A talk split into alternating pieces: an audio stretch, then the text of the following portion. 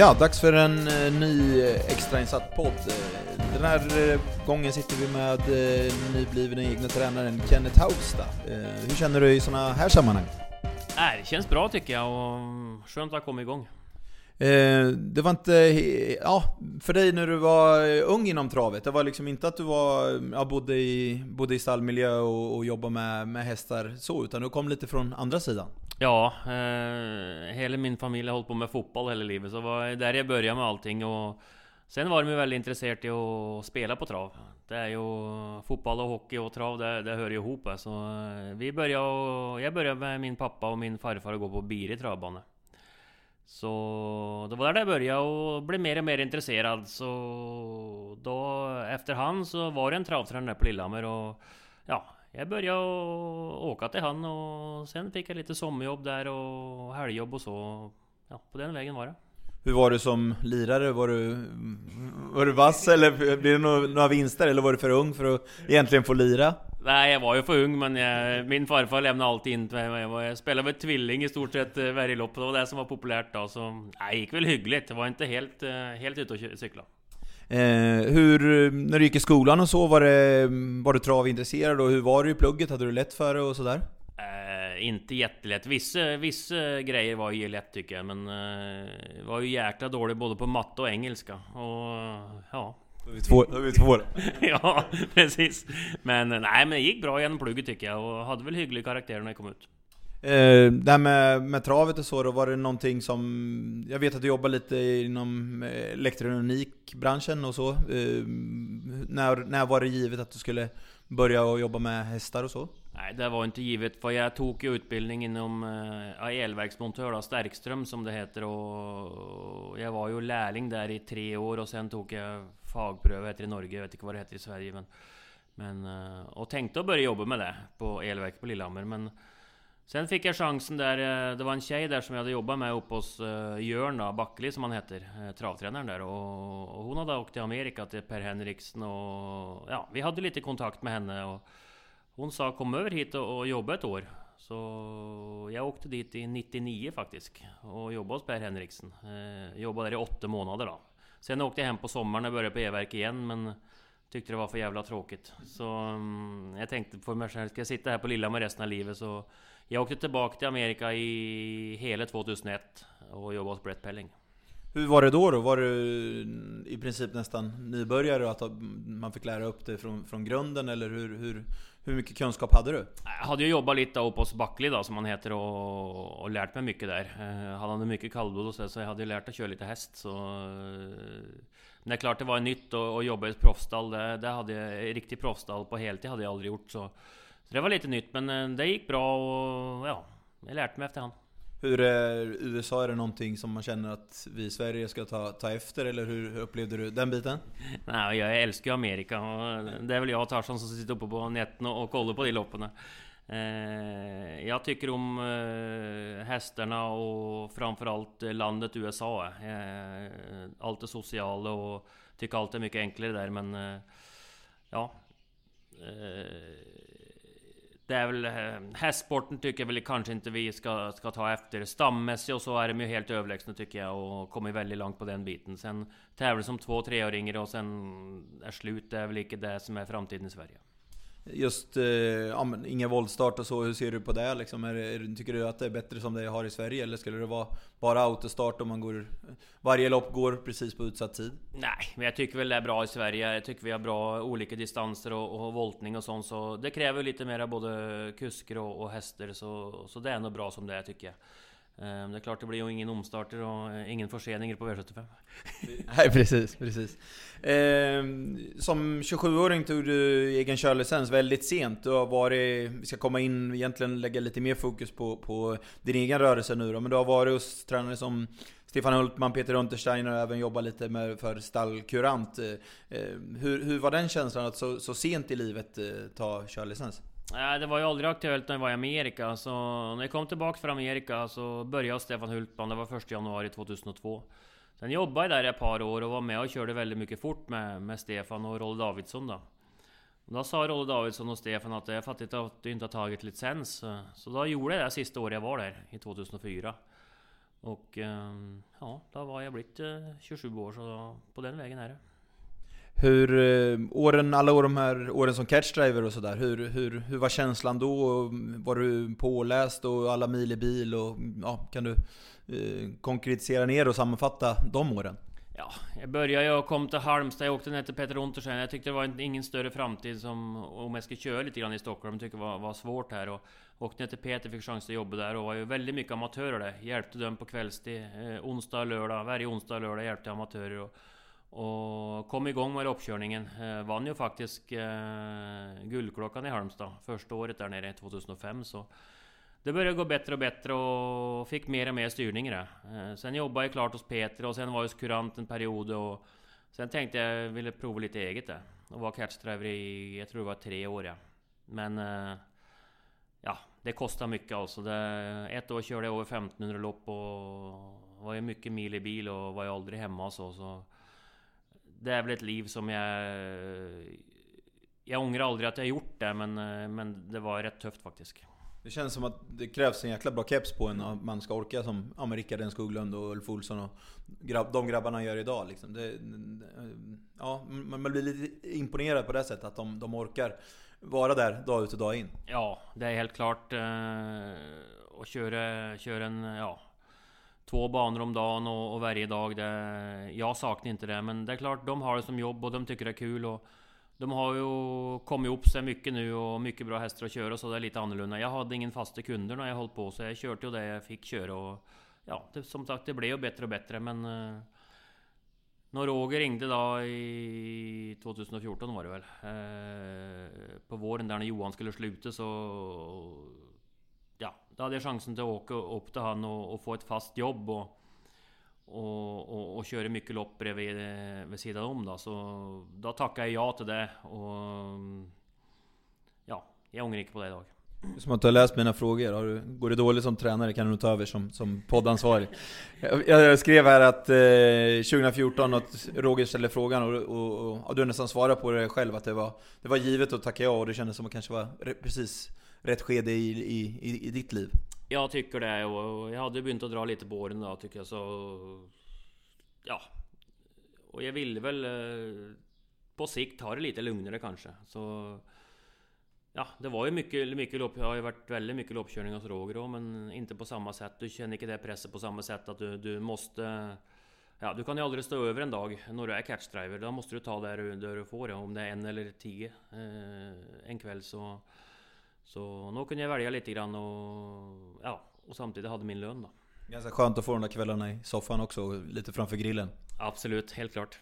Eh, det gick rätt så bra direkt. 2015 eh, så vann du bland annat två stora segrar. Spoil Me vann eh, Travox och Heavy Sound vann korta E3. Så det var...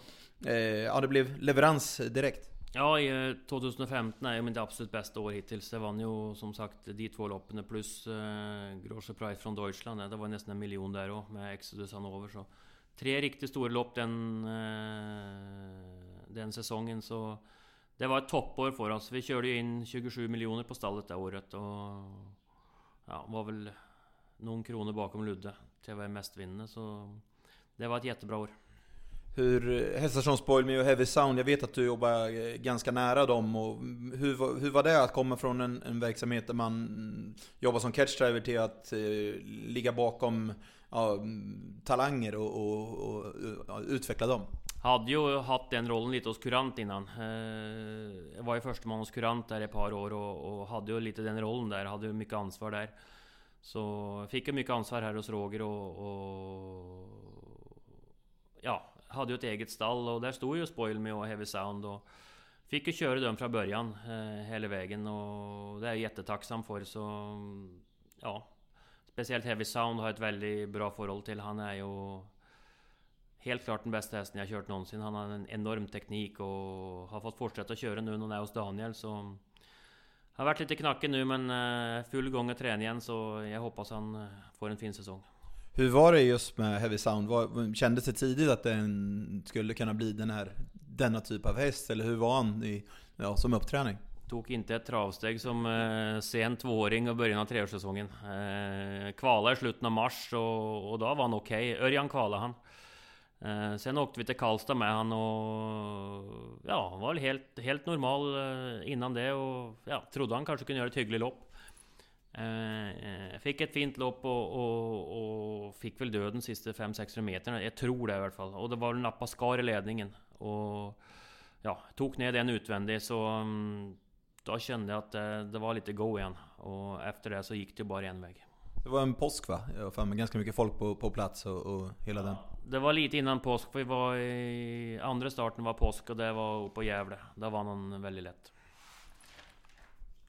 Eh, just eh, hos, eh, hos Roger så har liksom, du tagit mycket kontakt, eh, kontakter med media och så. Hur, hur känner du det där? En annan som funderar lite på det känns som att... Eh, ja, eller jag börjar med att fråga, hur, hur, hur känns det att ha så, så mycket media som man behöver ha, ha, ha koll på och svara när de ringer och så? Ja, men jag tycker det har gått rätt så bra faktiskt. Det har varit lite mindre nu på slutet, men, men jag tycker det, det fungerade rätt så bra. Jag försökte att ja, svara och, och, och, ja, alla som ringde mig och, och så. Så jag hade rätt så bra koll på hästarna, det hade jag och ja, hoppas eh, ni var nöjda.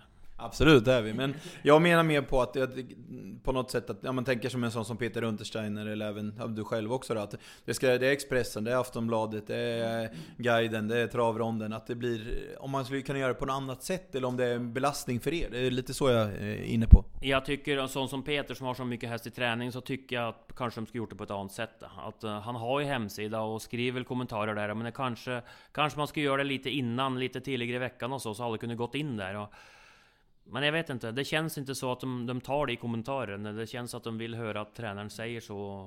Och det är klart, det blir mycket. Det blir många tidningar på en vecka. Och ibland tycker jag det, det blir lite mycket ibland. Hur är det som en söndagkväll? Är det en, två, tre olika tidningar eller som, som ringer då när det är anmälning till, till ny V7? Ja, eh, det är ju det. Och jag har ju sagt hela tiden det att jag tycker det är helt idiotiskt. Eh, för det är söndagkväll, du vet knappt vilket spår den har eller någonting och du har ingen aning om status på hästen. De går ju som regel måndag eller tisdag, sista jobbet. Och, och jag har ju sagt det hela tiden att det ska inte vara några kommentarer med första tidningen. Det är bättre att ta en senare i veckan. Men eh, de vill inte det och då är det ju svårare att få, få fatt på folk. Och för det är, söndagar är ju i stort sett folk lediga. Och Ja, men det verkar svårt att ändra på. Ja, det verkar så. Hur, hur känner du generellt så med, med kontakter med media och journalister? Är det, tycker du att det funkar bra eller är det någonting som du tycker att vi ska tänka på eller att vi gör fel eller gör bra så att säga? Nej, jag tycker det funkar väldigt bra. Nu känner jag ju i stort sett alla er och det är väl i stort sett detsamma som ringer mig. Så jag har väldigt bra kontakt eh, med allihop och jag har ingen, ingen problem med någonting så jag tycker det funkar bra. Funkar bra. Eh, en liten eh, favorithäst till mig, Kerlisjö vann storsprinten 2017. Eh, ja, det var en mäktig spurt. Vad, vad, vad minns du om henne? Nej, det var samma med henne. Hon stod ju här nere och ja, fick ju köra henne första fem starterna. gick ju jättebra. Hade tre segrar på fem starter. debuterade också i samma lopp som Hevesand faktiskt i Karlstad och, och vann ju där. Så. men sen var det Eterekval och ja, ville tränaren att uh, Örjan skulle köra. Uh, sen hoppade han från start faktiskt, uh, då. Uh, sen körde väl Örjan... Jag tror Örjan körde den fem gånger och, och galopperade tre eller fyra. Så sa, sa väl Lennart till att jag vill väl att Kenneth kör igen. Mm. Och på den vägen var det och vi fick ju många, många segrar ihop och vi var ju tvåa två gånger i British Crown och där retade mig lite grann. Eh, hon gjorde två kanonlopp eh, men fick inte vinna och... Men vi fick lite revansch i storsprinten. Eh, det var ett konstigt lopp. Vi ryckte alla skorna på henne för första gången och vi sladdade där bak. Jag körde allt vad som gick första varvet och jag kunde aldrig hänga med. Men när jag drog ut henne, fick henne genom sista sväng och drog ut henne 300 kvar så flög hon lågt. Man trodde knappt, ja 250 kvar, att det, det skulle nästan vara omöjligt att hinna fram, även om det är långt upplopp på, i, i Halmstad. Nej, jag trodde heller aldrig det. Och, men jäklar vad hon gick alltså. Hon, jag tror hon gick 10 och 4, ja, det är väl löpningsrekord så det, det var en uh, ruskig märr alltså. Uh, tyvärr hållt hon inte helt i, i sina ben och hon är mamma idag. Hur, eh, är det en sån typ av häst som man bara kan tänka sig hur bra hon hade kunnat bli om hon hade hållit ihop eller? Ja, det är ju en... eh, Det var en stjärnhäst alltså. Hon, hon hade absolut allt. Hon hade speed, styrka, hon hade allting. Så det var lite synd, men eh, hon fick väl nästan 4 miljoner på kontot i alla fall. Om jag säger Ulf Thoresen, eh, för dig som norrman, vad, vad, vad associerar du till då? Ja, det var en enorm upplevelse. Jag körde mycket åt Jerry Jordan där och, och han... Ja, fick ju köra stora lopp åt han och, och det gick ju bra. Eh, sen eh, åkte vi till, till Norge med Rod Stewart och lite samma där, lite Cadillac-lopp eh, där och faktiskt körde otroligt fort i ledningen där. De öppnade väl en 7-8 där och... ja, det var som att jag hade lite problem med tekniken den hästen, men den var otroligt speedy. Så det var samma där, jag drog utan 300 kvar och sen skyllde han fältet så... En fantastisk upplevelse, mycket folk på plats hemma och, och... Ja, det var stort. Det är nog ett av de absolut största loppen man kan vinna. Jag kan tänka mig att få komma tillbaka liksom när man då har byggt, byggt en karriär i Sverige och sen komma tillbaka till sitt, sitt hemland. Att det ja, lite pricken över i. Ja, det är det. Och jag vet att det är många norska kuskar som vill vinna det här loppet och de sätter det här loppet högre än eh, både kriterier och derby. Så nej, det är, det är stort. Nu har du fått vara hos Roger och, och samla på dig ganska mycket erfarenhet. När, eh, jag vet som du har sagt tidigare att, eh, att många har tjatat när du ska bli egen tränare. Hur, hur har tankarna gått de senaste åren? Jag har inte haft någon tanke på det, för jag har sagt att jag kan inte ha det bättre. Ha fast lön och, och, och provision på det man kör in kan man inte ha det bättre inom travsporten. Men det blev väl mer och mer här i löpet av 2019 att eh, Roger ville dra ner. Han är ju 66-67 år gammal nu och han ville dra ner och ville bara ha ett stall kvar här på Mälsåker. Så mm, um, då bestämde jag mig för att jag skulle ta tränarskolan. Uh, eh, och då var jag på Vången där uh, i två veckor och, och mm, Ja, sen blev det där de sista par månaderna att uh, vi bestämde oss, att jag bestämde mig att, uh, ja, tog ett beslut med Jeanette att uh, vi skulle prova eget och från första januari så drog vi igång. Hur, om vi återgår lite till, till tränar, ja det på Vången. Hur, hur tycker du det funkar och, och mm, är, det, är det en bra utbildning och hela den biten? Lite både och tycker jag. Det var, det var mycket dödtid, det var det. Och, men vissa grejer var, var bra. Sen är det vissa ting som bör kunna förbättra och det har vi gått igenom med dem så... Ja, det är ju... eh, Jag tycker eh, man skulle kunna gjort det på lite annat sätt kanske. Eh, lite mer effektivt och så. På det sättet. För det var mycket, mycket som man har gått igenom för och så men... Eh, Ah, det var okej. Man fick ju god mat och ta det lugnt en vecka. eh, Utan småbarn. Ja precis, och, och även lite eh, utbyte av, av kollegor och så då, liksom, kan jag tänka mig. Ja, det var det. Och Johan Sundgren och, och Preben Sövik och Viktor Kyllinblom var ju på samma. Vi blev väldigt bra kompisar. Så det är nog någonting man eh, ja, har med sig vidare i livet. Yes, hur... Ehm, jag tänker mm, ja, men att när du inte riktigt ehm, hade bestämt det och, och så här. Är, är det mycket tankar som börjar växa i en när man funderar på att bli tränare och att det, man, man har eh, funderingar och, och lurar på, på dagligen? Eller hur, hur, funger, hur fungerar du i en sån situation? Nej men det är ju så, jag måste ju ha... Jag pratar med ett par hästägare, bland annat Lennart då, SRF Stable och, och, och sen har jag en annan kille som bland annat äger Concrete D och, det var väl de två jag pratade mest med. De, de, eh, jag sa jag måste ha med mig er och, och lite hästar för er om jag ska starta, för jag vill inte starta ja, utan någonting. Ja.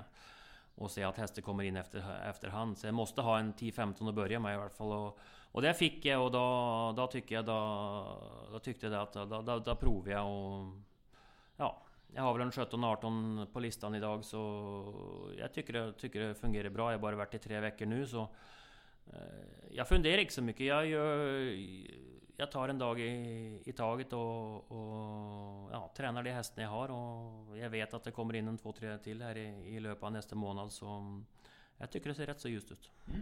Vad är, vad är ditt koncept? Jag vet att du har funderat och haft lite influenser från andra tränare och så. Vad, vad är, vad är det, hur, hur lägger du upp det i, i din dagliga träning för hästarna? Eh, jag skrev där på travrondens där efter Vången, vad har du för träningsfilosofi? Och då skrev jag, det, eh, inte krångla till det. Det tyckte jag var rätt roligt, för det, det var ingen som fattade någonting. Men, jag tycker man ska göra det enkelt och inte, ja, eh, så som jag tränar idag. Jag tränar lite back och, och rakbana och det är ju det vi har här. Jag tycker inte man ska köra för fort i träningen. Det är mycket, mycket mängd tror jag och det det är väl det som har blivit mer och mer senaste åren. Mängd och håller dem fräscha, då springer kan de. Så så det är väl det som är lite mitt koncept. det. Och sen att den hästen får vara häst. det. Det har jag lärt mycket av Daniel Redén. Jag pratar väldigt mycket med han och han gör ju så. Han, han, ja, han använder mycket att de går i hagen och, och, och så emellan jobben och jag tror, jag tror på det. Och det har ju funkat han. Ja, absolut. Eh, just nu har du två anställda och, och ja, har väl ingen riktigt att du har något, något tak i det. Hur, hur, hur känner du vad vore optimalt för, för, för din verksamhet? Eh, om du tänker på eh, hästmässigt. Ja, men jag har sagt nu första året här, 20-25 hästar tycker jag är bra att komma igång med. Jag vill, all, jag vill inte börja för stort där, för jag har sett dem som börjar för stort och det är svårt att hålla koll på allting. Det är bättre att bygga upp undanifrån så. Mellan 20 och 25 nu har jag tänkt nu i början här så, så får vi se vad som händer. Ganska mycket unghästar på, på listan nu. Är det någon som du känner spontant så tror du kommer få ett bra 2020? Eh, Jag tycker ju han vi startade igår, Konkret I, han gjorde ett eh, jättebra lopp igår. Han fick ett tufft lopp igår och jag tycker han har utvecklat sig hela tiden. Och jag hoppas han kan duga, duga, duga lite i V75 framöver. Sen har jag en häst som heter Allagars Nancy som, eh, som har visat väldigt fartresurser och jag tror lite på hon. Det är en fyraårsmärr som jag tror kan hävda sig lite i större samling mot hösten. Hur, är du nöjd att det ser ut som det gör? Att det är mycket 3, 4 och 5 och så? Inte så mycket riktigt äldre hästar? Är, är det så du vill ha det? Ja, jag tycker väl det. Det är väl där de stora pengarna är på unghästloppet. Men samtidigt måste jag ha lite hästar som kan starta lite V75 och, och, och så, så, så jag syns. Alltså, kan jag få en, två, tre, fyra hästar som kan starta på, på Solvalla och V75 och sånt så ja, jag tycker jag är rätt så bra. Berätta om en eh, ny häst som precis har kommit in till stall i dagarna. Ja, vi köpte en av eh, Melander, eh, Stefan Melander här, som heter eh, Manuzzi och ja, har gått rätt så bra lopp tycker jag. Han eh, är en femåring som eh, som Tarzan tycker jag mycket utveckling och jag hoppas, hoppas det är det. Så hade en hästägare som ville köpa en starthäst och han var intresserad i den så vi slår till på den och hoppas det, han får ett bra år. Har du satt upp något mål för 2020 själv eller är det, håller man det eh, för sig själv eller är det någonting man, som, som, du, som du arbetar efter? Nej, det är klart jag har ett litet mål men eh, det är ju... Ja, det måste ju, det måste ju fungera och, och det viktigaste för mig är att få ett fungerande stall. Eh, att det flyter på och alla...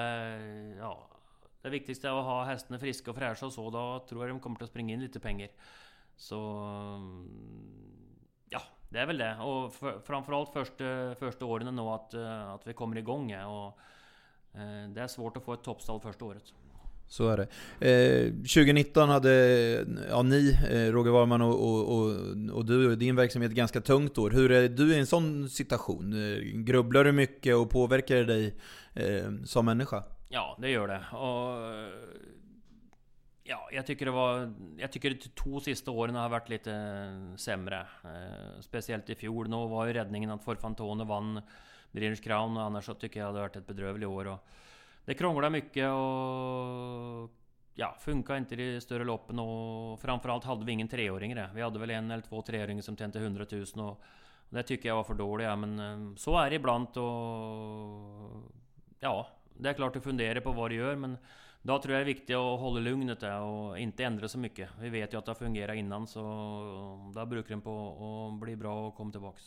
verkar vara så att framgångsrecept, det verkar vara så i många sporter liksom. Om man, jag kommer jag jobbar lite med fotboll och, och man kollar lite på handbollen nu. Det, det är många säger det att liksom, ja, men gör inte för stora förändringar utan eh, håll det, håll det kall och tro på det ni har gjort förut. Lite så. Ja, så är det och det är som du ser, jag följer med i all sport. Jag, jag är väldigt sportintresserad och jag vet ju hur svårt det kan vara. Eh, Ett år är du världstoppen och sen är du inte topp 50 nästa år så det, det är små marginaler det.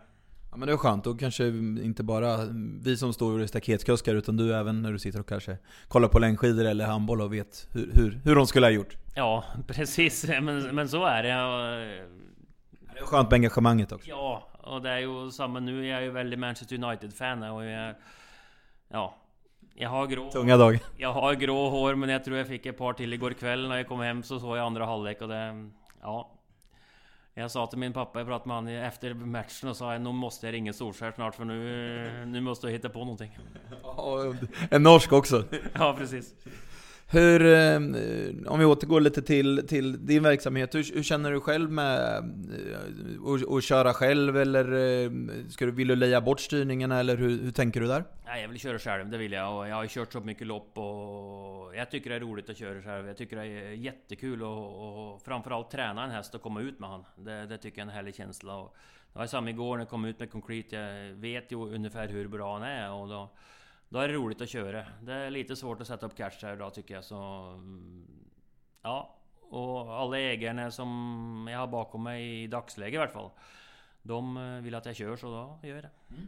Ja, men jag tänker, jag vet som, en, som Mattias Djuse, han tycker nästan att eh, åka till Lönnkött i Örebro, då kan det nästan vara bättre att sätta upp någon annan så man inte ja. tappar verksamheten hemma. Det var lite så jag tänkte. Ja, det kanske blir på sikt, det vet inte jag. Det, där får vi se hur det blir, men nu i början kommer jag att köra allt själv i alla fall. Mm. Hur, eh, ja det har varit, mm, om vi återvänder till någon annan som Oskar Kjellin Blom så pratar han mycket om en sån som Antonio Tabak, att han nästan betalar eh, ja, hela upp, eh, ja, med utrustningar och vagnar och allt. Och jag vet att du bara nämnde någon siffra att eh, hur mycket du hade köpt vagnar för. Hur, hur känner det när man är som ny tränare? Att det inte bara en dans på rosor kan jag tänka. Nej, det är mycket investeringar där och jag har ju lagt någon hundratusen men de har jag tjänat innan, in, innan det. Nej men det är ju så, du har ju sparat upp lite grann i löpa av åren och eh, får eventuellt att bli tränare en gång i framtiden så... Ja, det är inte så mycket jag tänker på. Jag hoppas jag investeringen kan eh, komma tillbaka någon gång. Men mycket kostnader som man inte har tänkt på. Att ja just det, nu måste jag ju köpa det eller nu måste ja, det, det ska fungera med transport och det ska... Ja, det måste vara kanske många utgifter som man inte, kanske inte har räknat med från förhand. Ja, framförallt i början. Det är ju vagnar och, och, och allt sånt och hö och foder och sånt som ska... Det är ju... Allt är ju i, i början här och, och, och framförallt eh, uh, sälutstyr och allting så... Det blir ju mycket, mycket i starten men... Uh, Sen får man ju in träningsavgifter och så och då, då, går, då går det ihop sig så... Det är en investering i början men, men så är det väl stort sett i, i alla, i alla filmer och, och, och så så... Nej, jag tror det blir bra.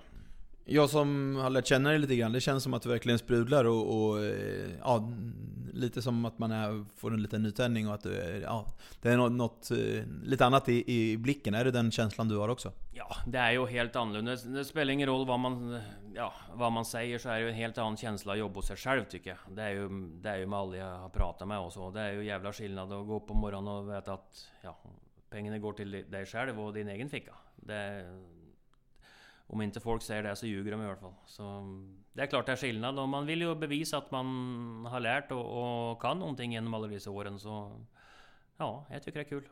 Hur, hur är den generella nu då med, med de hästarna du har? Konkret har, har levererat och gjort två bra lopp sen du drog igång. Är det vinterträning och mars-april eller hur, hur, hur ser det ut för, ja, lite generellt? Nej, nu har vi ju, vi har åtgärdat mycket nu, det har vi gjort. Och, och nu ska vi träna, träna rejält i februari tänkte jag. Sen, eh, det är samma Concrete, att han borta ett litet tag nu. Han startar på lite grann här i vinter och tar bort han lite grann nu så. Vi kommer till att inte ha många starter i, i, februari. Sen hoppas jag de är redo i mars-april här och... Ja, hoppas vi kan ta lite pengar. Mm. Och äh, även att det kanske är några nyförvärv på väg in också? Ja, det är i alla fall ett par på väg in så, så får vi se. Man vet ju inte. Jag sa ju första februari från början att jag skulle börja som tränare och vi har inte kommit dit än så jag har smygstartat lite grann. Eh, hade även en fråga från en, en följare som, som eh, ja, sammanfattar den så var det hur, vad, vad är ditt koncept? Varför ska man lämna häst i träning hos Kenneth Haugs då? Och han önskar även eh, lycka till och tyckte det var kul att du drog igång. Nej, bra erfarenhet tycker jag. Jag jobbar hos många stora tränare. Eh, sen tycker jag det är en stor fördel att man kör hästen själv i lopp. Det tycker jag. Då känner man hästen och ja, kan matcha dem lite efter det. Bygga upp dem lite grann. Det, det, det tycker jag är bra. Sen eh, är det bra här på Mälsåker. Bra stallar. Vi har eh, ja, bra klimat och, och, och vi har det bästa fodret och allting och mycket bra personal. Låter bra där. Då önskar vi stort lycka till och eh, ja, vi, vi lovar att fortsätta ringa och tjata på er. Så det, oss, oss slipper du inte på ett tag. Det är bara att tjata. Tack så du ha. Tack.